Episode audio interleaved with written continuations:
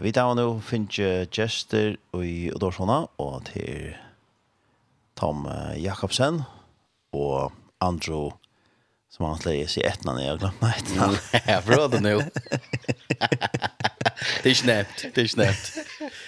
Andrew Bandara, ja. Bandara. Bandara. Ja. Yes. Exotiskt. Ja, välkommen tillbaka. Tack för det, tack för det. Og det som vi har pratat syndrom er, är Ja, kanskje en jola det, det vet ikke. Ja, det börjar gå så komma att vägen. vet. Ja. Du säger själv att du var runt kom Jonas Jola stämning. Det var sen går konsert i Lund Ja, ja, ja. Ja, Det har man redan. Ja, jag kommer för på i halvan. Du är du är du kaffe typ är du? Är du i oktober så är det Jola eller det lärda sent. Nej, nej. Det är kört ja, men du ser. Nej. Ikke så dølja. Nei, ok. Jeg kjenner ordentlig Jola, nesten ja. Som är ordentligt ja, stegen gott spalt. Jag at han like allt var men ja. Vi det. Nej, det är så. Det är så. Kanske det kan.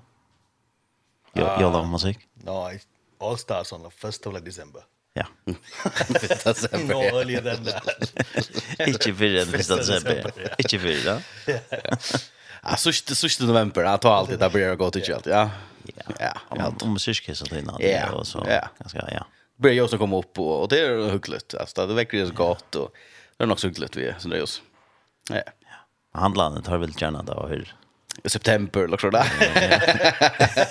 Det var ju för förr.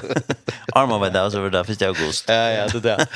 Ja ja ja. Tar kom jag långt säker och jag låt. Blä. Ja, jola blä. Jola blä. Det var första augusti. Ja. Jag körde aldrig. Ja, nej, Ja, det där til å ja, og i City Church. Her ja. blir det også spennende nå om ja. ikke noe det er. Ja, det er ja. Jolo i Narnia. Yes. Jolo i Narnia. Det er ordentlig spennende. Ja.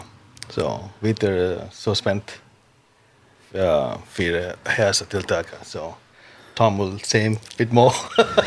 ja, så det som för hända är att det är det som vi kallar Jol i Narnia ett huskott som Andro har kort vi och som man går ner och Andro nog har haft stor pinn nu och sen har vi Nick för Neuron gå om fallet och Test här går ut på är att det ser ut som show att vi får omskapa allt sitt church till Narnia. Och och det börjar så smart det kommer några jolla tror på på utanskök när så tjej. Ehm och så rent fysiskt så var allt samkomman ombrott till Ehm det första så how much should I should I like Yeah. A little bit. A little bit. Okay. Little man, bit. Så här får jag vara skap. Man får gänga jag skap över likta pillar och ta vi på över så Winter Wonderland så som ta ta ta komma in och och äta skap eller komma jag knäta skap era. Ehm så ta alla vet och och så vart det ut fem mån. Vi får ha vi får ha badna till och så får vi det här var en konsert och kvällte som är så ganska mer rätt till det äldre om men men ja så det har vi ordat gott. Ehm här eller det senaste åren så har vi varit ute i gräsagare mm. haft jolafest så vanliga så mera vet inte traditionella jolafest som man kan kalla det till.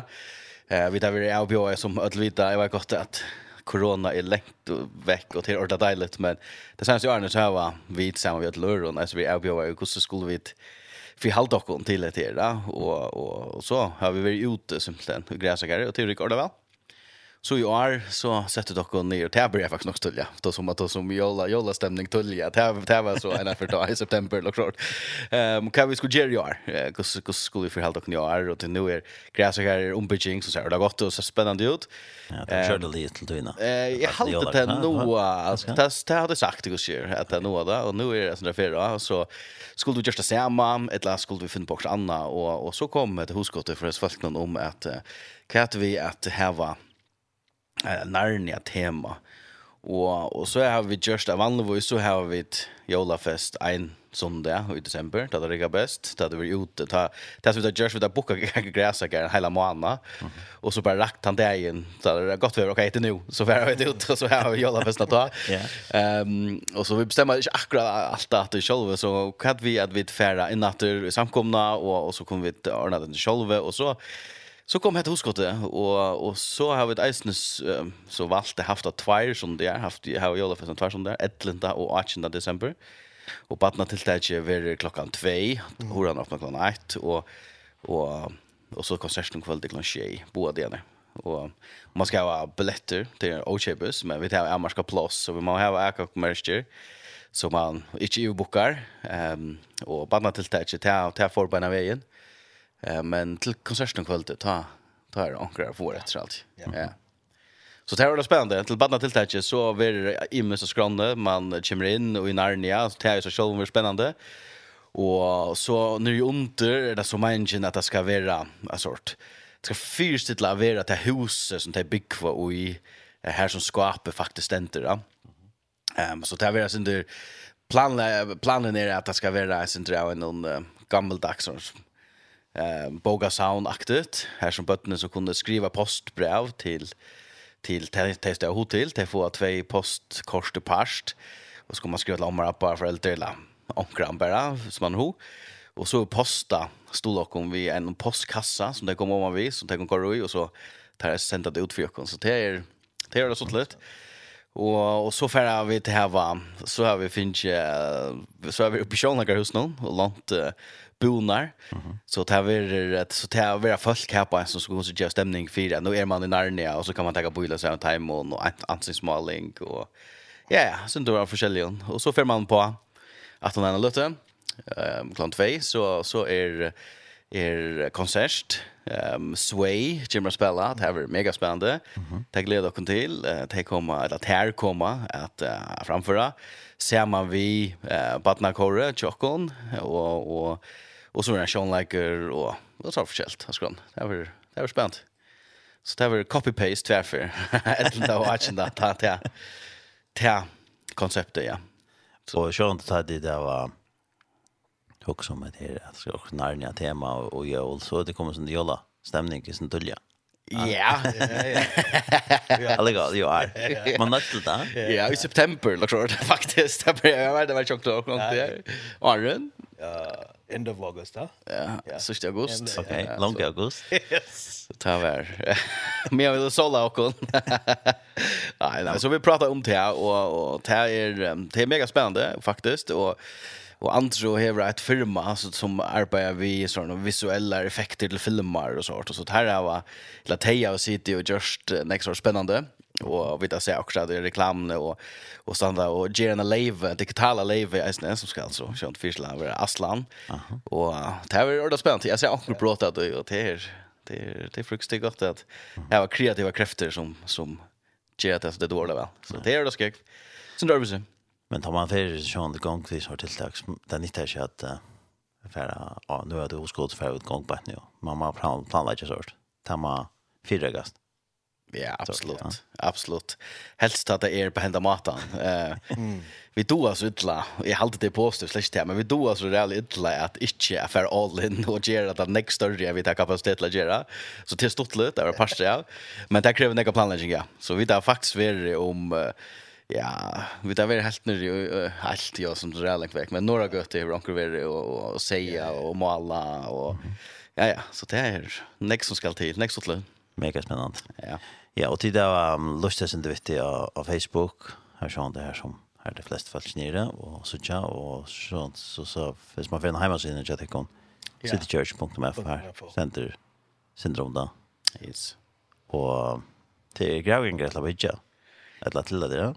Ja, alltså vi tar var marska plats så man sätter. Ja, det är 100 trusch som cirka. Ehm tror jag vi skulle pynta, det passar mer in i salen, men det ska allt upp jag ska ombrötas till Winter Wonderland alltså så det kräver oss inte och neck viola tror och neck pint och så så det missar några stolar på det. Så vi tar sett 100 trusch eh plus av. Ehm och så får jag simpelt så jacka där om vi får fem stolar i gång sen så kör det här lättnar ut men Men bara nu så så är det det. Och ja ja, och bara till det där blev. Det sold out. Ja. Ja. Där kom och vad ska man säga, det blev lite om det igen och det var minnen för stummar så var det. Ja. Ja.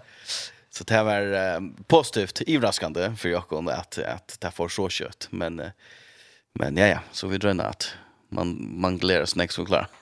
Ja, also for the um the evening concert mm -hmm. like Mario Siska mm -hmm. and the City Church like worship will be taking like two sets. Mm -hmm. So that's that is also really like exciting for us. Mm -hmm. Um yeah. So I'm super excited for that part also mm -hmm. to see um how they're going to I mean what they're going to do with the whole uh church uh, this whole Narnia vibe that we're going to have and yeah.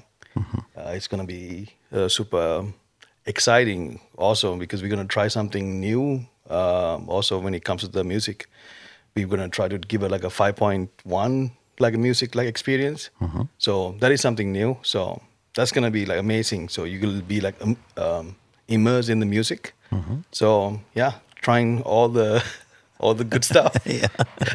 Att det är så tekniskt prat som är måste få förklara några för men alltså simpelt den är vi är en konsert som är en surround det är det som är alltså inte ja mynt motstøy av skilja hva det er fem på punkt og bare.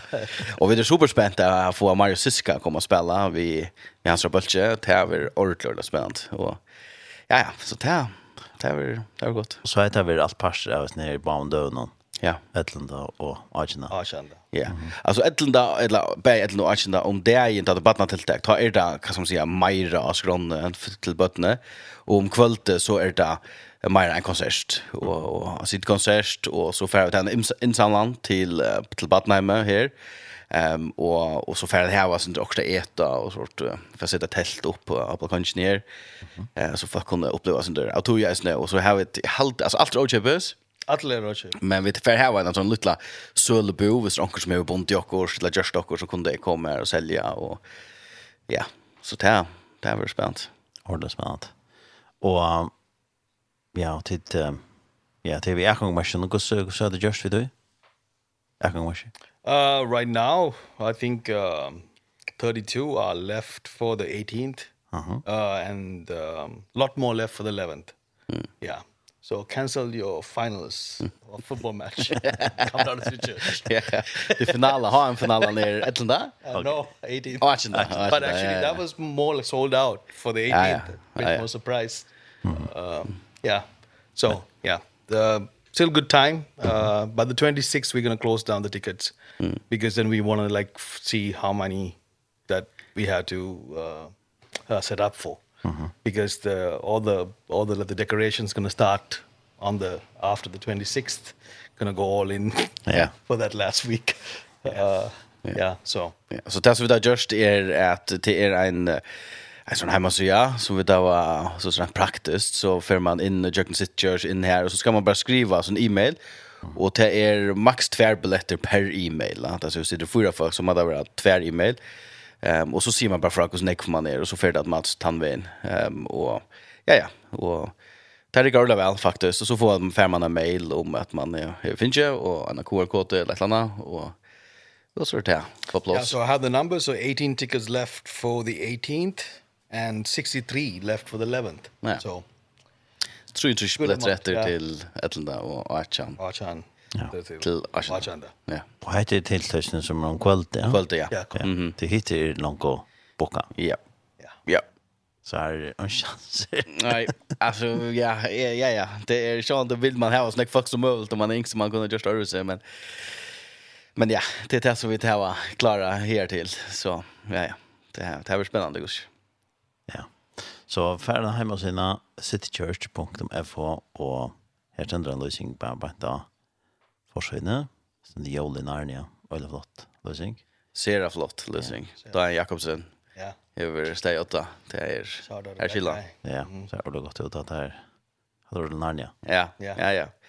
Så öll öll sitt church nu har hukt ett Narnia om att det är några fel för för uppfriska men det kan ta ut på men det är en otroligt god sova om. Ja och om budskapen nah, som är er flatt över nu om om Jesus som som dör för oss inte simpelthen och och och tog eh ända vänt hem någon. Ehm um, så det är uh, otroliga worker och och, och välgjort filmer och go server Jesus Lewis som vi så rönna att uh, skapa så gott som vi klarar. ändskapa skapa Jesus, men. men ja, det var god inspirationen och det var ordla ordla gott. Jag kunde säga det att det är så så störst tema som uh, Narnia, där där. Hur ska man fävna tog? Där där. Ja, alltså det här som man har nött till det är att att här kan något brått och essensen och i och i katta gånger ut på. Ehm så snöglunta. Ehm en t-shirt tropult att att att ta om allt men men det är några ting som kan gatta där alltså det är ett levan som det är Aslan så det likta pillen som hever hever stor antutning och så är det att han han känslan är av att vara och i en stäje som är kallt nu men det är att vara hett och och och så han boskapen om gosse levan kommer och och bröter till ehm um, Så det här som vi där rönna att det kommer sen då om att vi vån att att ja att ha påskapen som som Narnia ber som levan kommer vi att det vån och i tog att att det är kallt och och och kanske det inte är vara akkurat så eller det är kanske akkurat så det är vara men men det är vån för framman och och så har vi den like kan jag slå picka lite inte det här som man här som man tåsar sig inte om med så levena. Um, hvis du minns filmen så kom det in i en sån här bevara hål i här och så pratade de om eh om med den ner om med det här så levna och levan alltså är hon farlig eller hon go ja hon är farlig hon är gå hon kan gott och och och så har förskällt så som där Louise eller väl alltid ehm um, den boskapen som som vi dött Ja, som vi det älskar. Så, så att det är, det är spännande och stortligt och, och kreativt. Allt det själv. Det är allt. Vad är det påskapen lika aktuella i det? Um, yeah, I think so. Because um, uh, church has been uh, very like a mysterious place for like, many. Mm. And uh, well, I think uh, church should not be that kind of a place. Uh, that you don't know what you're like, like getting into.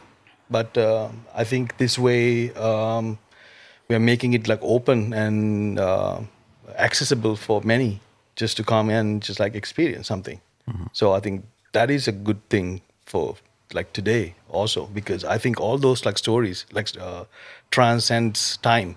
So and i'm so therefore i think this is a great uh, way for like even for the kids to come because they see something that they have seen in like a film and then they and they want to come and uh hey that would be really cool and we also want to do something because um, uh, in from the like a create, creative sense uh, it's going to be something like like we're going to like create something just like magical mm -hmm. uh, for people to like experience. So everybody is like wanting something it's like magical like uh, in their lives. Uh so i think for today also uh, i think the story stands and what we do stands. Um i just hope like people just like leave the concept of this is something that we have something uh like a, a agenda for them or something like that to leave that behind and just to come and experience something like like with us. Um yeah experience Narnia. Mhm mm ja ja det är ju smarta att uh, komma ner där ner hemmen men det är sjönde eh vi människor älskar det det magiska eller han så drömma tänker en era ver og så andre så er det at det er alltid kampen om det gode og det enda. Det er det i nesten, ja, det er det i ødelen. Det er, det er kampen om det gode og det enda. Og det er det som er nere så. Det er ikke i, i Narnia. Mm. Absolutt, ja. absolutt. Så det er, det er spennende. Det er ordentlig, ordentlig spennende, ja. ja. And the good thing is, in Narnia, it, it is like only the kids who could go to Narnia. Uh, this time is not like that. So yeah. even the grown-ups can go to like Narnia. So Uh, yeah. ja, så fast. Vi filmar när ner där bara bara. Ja, ja, ja. So this one. Så vi där vi där utvojar det sen. This one everyone can come to Narnia. Yeah, take off. Yeah. Yeah. yeah. Ja, ja, og jeg snur døvund at det er uh, er som jålen at jeg kommer til tiltak som er pur åkjøpes, og kanskje jeg snir tøyen her som alt er negdurer enn det kanskje er verre, at jeg kommer inn og, og och bara slappa av en lite och och vånande drömmar seg som du väck och och uppleva det som så får hende her. Det det är ordentlig, ordentlig. Jeg er veldig spent på att att höra Badna Korre och höra Sway och höra Los Angeles Bulls sitter vi och så Mario Siska är att här ja, det är en dröm att göra allt. Det är allt. Och den det jag när det till att jag gärna går och då något ting kanske prova ja, som är sån det det jag det när ni har mest kus kus det det blir fallin till till tanken. Ja, alltså så rent visuellt, hvis du tar det här först, så, så var det öligen jag görs på. Eh, och och vi inte att det fälls så kommer in ta komma få en upplevelse som är er till alla sanser. Ehm um, och vi tar var kreativ folk och som som då otroligt väl att att finna på och och så att att komma in är alltid avslöjad att lugga alltid det man först så att lugga kan inte det jo i halta. Ja. Alltså kommer in jag horna och det första då rände ju i TR skap. Ehm så för jag släpp in i samkomna hörliga. För jag släpp in. Ja, för det smisha över i sitt church. Ja, för det smisha över i sitt church och så vart det att öppna horna att här för det första för det var ett tält så där för några vi är uppe och allt där och därför det här så så det första fallet första anta här för några meter och och kost jag vet inte kakaobollar eller något annat. Ehm jag vet inte vi får lova också där men something good. Not kakaobollar. Of course. Ja, och skott. En kaffemånad. Ja, ja, och så där. Och så kommer du in och så först du in faktiskt jacknskapet och så kommer du in i Narnia. Ehm um, och, och uppleva att här um, vi ja det var jävla nek pint och vi tar finns kava som tåler inne och fast kan kava och jo och och det var det var ordentligt spänt. Um just you need to experience it. Ja, yeah, so. absolut. We should not tell more Tom. För det smisch komma. They're gonna miss out. Just ja det vet ja, det smisch kunde komma alltså. Ja, faktiskt. Ja, faktiskt så är kväll till om kväll vi filma ehm till jobb, uh, så tar vi sent eh, på et eller ehm akkurat när vet jeg ikke, men tar vi så filma och og så ger vi ut ehm større det gott och så huxar vi till akkurat vi på till det samme, uh, om man kan ehm filma till eisne. Det är så kanske inte akkurat på samma måte, men, men, men akkurat vi har fått det vi, så man kan mm. uh, lägga till docksan, hvis det är som är hovet. Ja. Mm. Men sånt det är yngst att allt förr kunde komma, men det är Amarska plats och så man bara röna gärna så här så man klarar. Det är det. Man har ju smart den här platsen. Det är det. Eh. Uh, jag sank om det. Det är så. Hur så är större. Det är det ganska yngst där var större. Ja, det är ju eller gärna yngst att det var en dubbel störst eller mer kanske, men men det känns ganska på ett eller annat tidspunkt. Ja. Ja. Så när ni då. Nej. Ehm Hvor kan komme til det? Ja, det er sjående for jødel.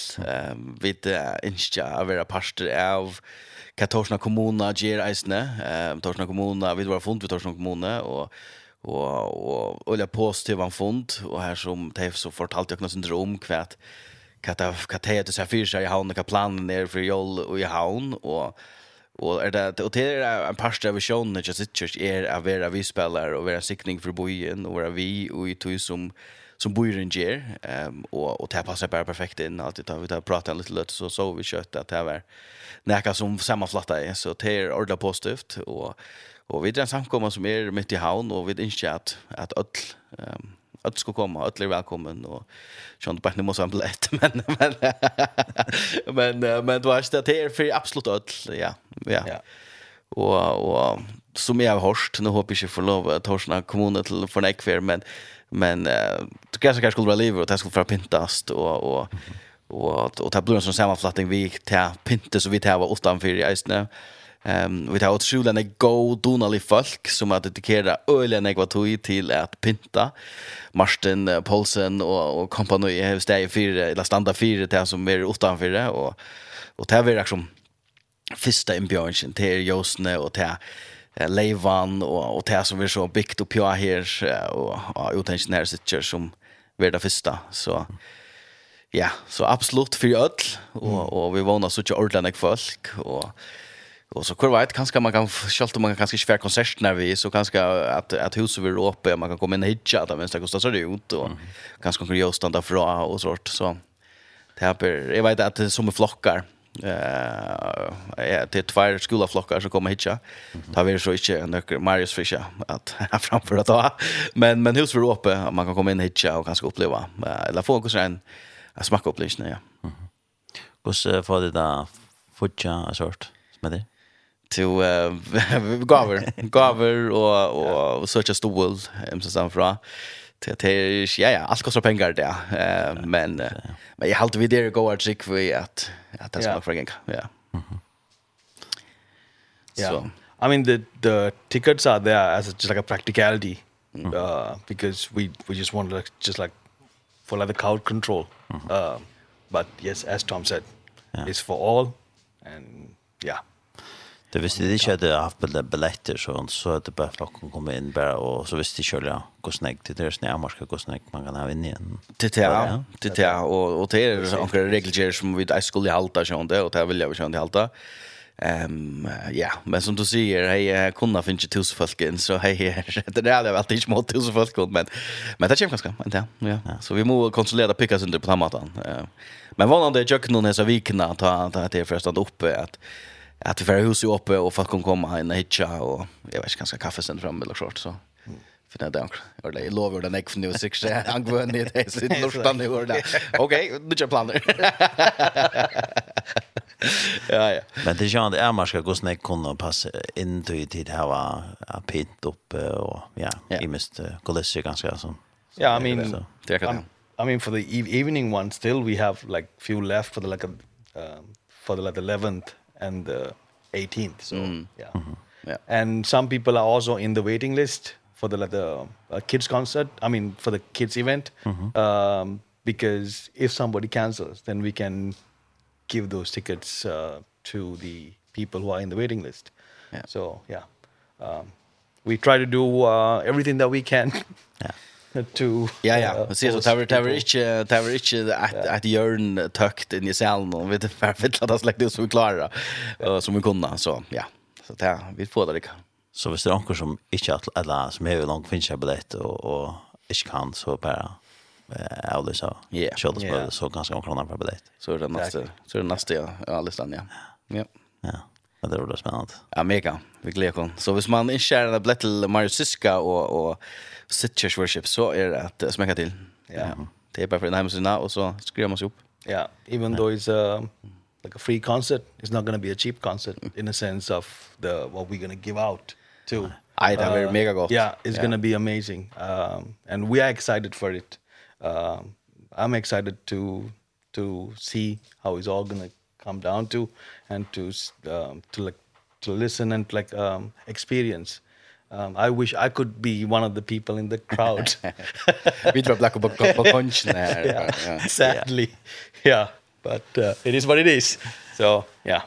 Men du så arbetar vi snär att göra ganska imis ting som hör till det och är det en en erbjudning?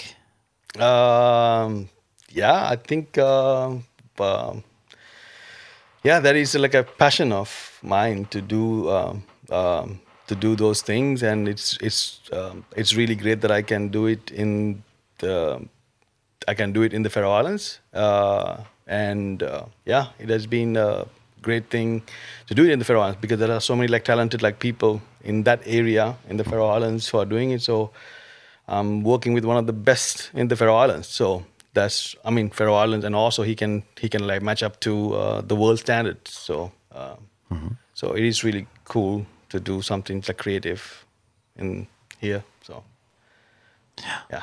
Och tekniskt att göra sort tilltag där det ska såna tekniker till eller va ja absolut i think yes to be honest uh, even to pull out the uh, 5.1 uh this will be the I don't I'm not I don't know this will be one of the first concerts that's going to be on a 5.1 system. Mm -hmm. and also I mean we have some like amazing people like like William uh, So Um, he's going to be doing all the lighting for us and because he's part of our church. So, I mean, like these are like the top uh, top people in their fields who are coming in to uh, do this. So that's really ex um, exciting for us.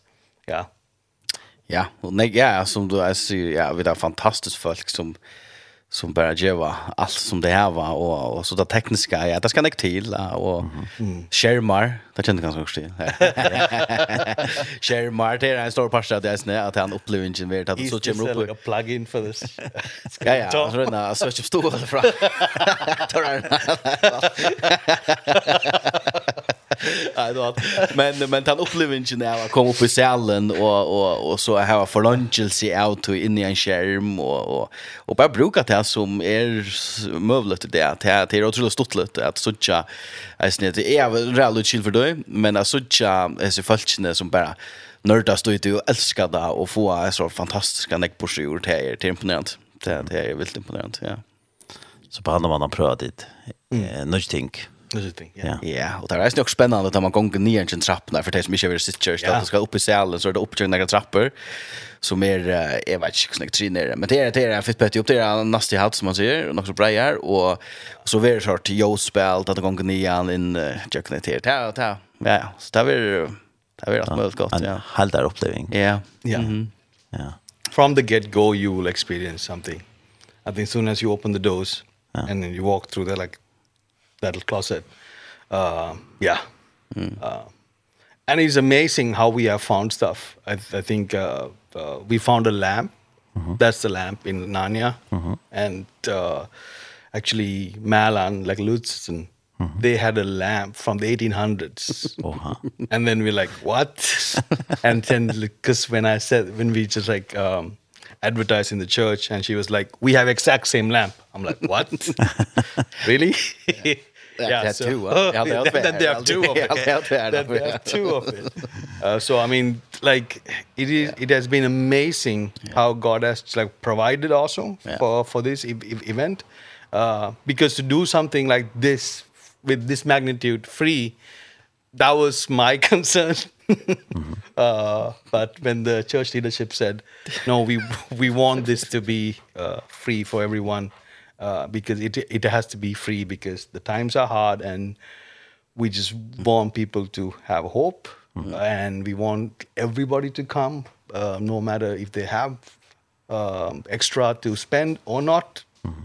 that should not be the uh, that should not be a reason for them not to come mm. so therefore as as a church for the city we want to bless the city it's going to be free and they said okay and then I was like oh, and then said uh, don't worry we will pray and we will see this through. I was like, okay. uh, yeah, but here has to get up in a grand there there halt you. Yeah. So, yeah, it is um yeah, it's going to be a it's going to be an amazing experience. So, yeah. Sometimes when we sometimes uh like my thought was like when we when you give something for free sometimes it loses its like value. Mm -hmm. But um not in this case I believe uh this will bless people. Uh, this will bring some light in this uh, darker winter time. Uh, it will be something to uh, cheer up and look forward to and know that, hey, that is, uh, there's hope. Amen. And yeah, yeah there's hope. Yeah.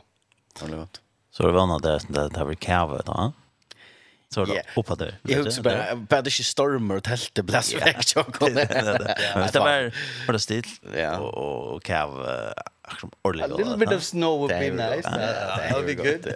Because that's going to be snow inside. So Ja, nämligen. Och så ligger in mina live ja nu så. Det är över så Narnia mäter det va? Ja, det er noe som du ikke avslører så rann, jeg. men We cannot give everything. Nej, men där är Gussi, nu säger kakao bollar, där synd du vilja för att överraska folk, men där är It's going to be really something like magical food also yeah. because we have thought uh, we have thought every part of the event through. So it's not just the one one part we have focused on, we have part of um even the experience with food. Mm -hmm. Uh you will experience something magical. Mm. Akkurat. Let's say like that. Akkurat ja. Ja. ja. Mega spennende, ja. Det er alltid mega spennende. Ja, har vi vært rundt om det hele? Eller hva? Jeg halte det. Jeg halte det. Ja, jag hade väl kommit också nog så väl runt vet det.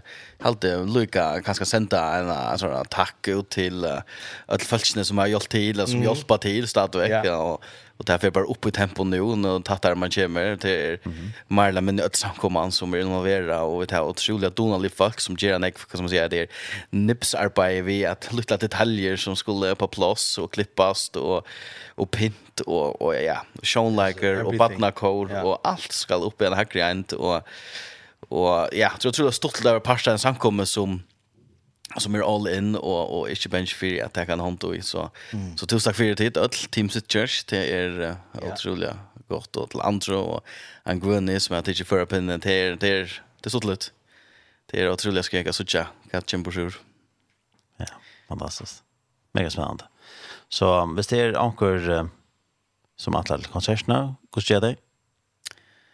www.citychurch.fo www. Så går sitchers.com så ända så hon helt där sen yeah. så men sitchers.fo och så kommer bant upp början här på så är det en stor uh, så reklama för för Joel Narnia så bara på like konsert halt sen konsert talde ja. Ja. Ja. Och så fylls man bara med länken här till ser det simpelt. Ja. Och så första en e-mail sändande som säger att nu ska glädje. det sier det ikke, men du sier det var det en blett. Jeg kjenner den da, ja, og ikke en ja. så til ja. ødel. Det er ikke bare, bare ja. forføringer. Nei. Nei, og ikke det som engstene eller för noe? Ja. Att till det är så för det mest av förskon. Eh jag vet inte mer så de kräver ganska konkret ska sanche det ska ske och också så just vart förskon men men till det är det av förskon. Men ja, ja. ta trick vi är för att man får få en upplevelse lugga. Yeah, mine. Uh, but for the concert, it doesn't matter because it's it's going to be songs. Uh, um, yeah, uh, Mario Siska will do their set. Um, yeah, they're good songs that they have, and most of some, some of the songs will the the sing what we're gonna sing from the church worship will be like in English too. So yeah. mm -hmm. so yeah. So that will rest there. Yeah, it's gonna be amazing. Yeah. Mm -hmm. Mega spannende. Yeah. Yeah. Så spennende å høre hva folk sier at han har Vi vet inte vad det er ikke på sjur. Ja, nu har hype, gosse hype up. Ja, now the hype is hype is been up here now. Ja. Gosse är det annars lust vet du? Att det är det är Facebook och Instagram allt eller social media Facebook det är det Instagram ja. Faktiskt och så i samkommer men. Annars är det väl det ja. Mm. Och jag så är det till Sittmila, Sittmila där är det där är lust där. Och finns ja. Det öppnar ett tag, vet du, det är mycket där Sittmil så tar vi nästa. Ja. Mhm. Mega sant. Ja, men eh, jag vet inte tycker någon konstruktionssäkning og gå etter ni eller? då. Tack för det. Tack för det. Ja, det ska jag gå vel. Tack. Hvis sen får, eller alt som går med det får han ikke godt gott försök. Det var något. Ja. Ja. Och sen boskapen om värn. Det som er, er tema ja. Absolut essensen är alltid så vi gör. Ja. Det är det är värn för värn för öll ja. Ja. og det er resten där som som tid brukar när i i sitt church. Ja. Att bära värn. Bättre bojen och til at mennesker som kom inn her. Ja. Ja. Och det gott. Ja. Eh vi tvära att uh, har en sank nu och så Andrew eh ett namn Andrew Bandara. Andrew Banara. Ja. Andrew Banara. Bandara. Bandara. Bandara. Bandara.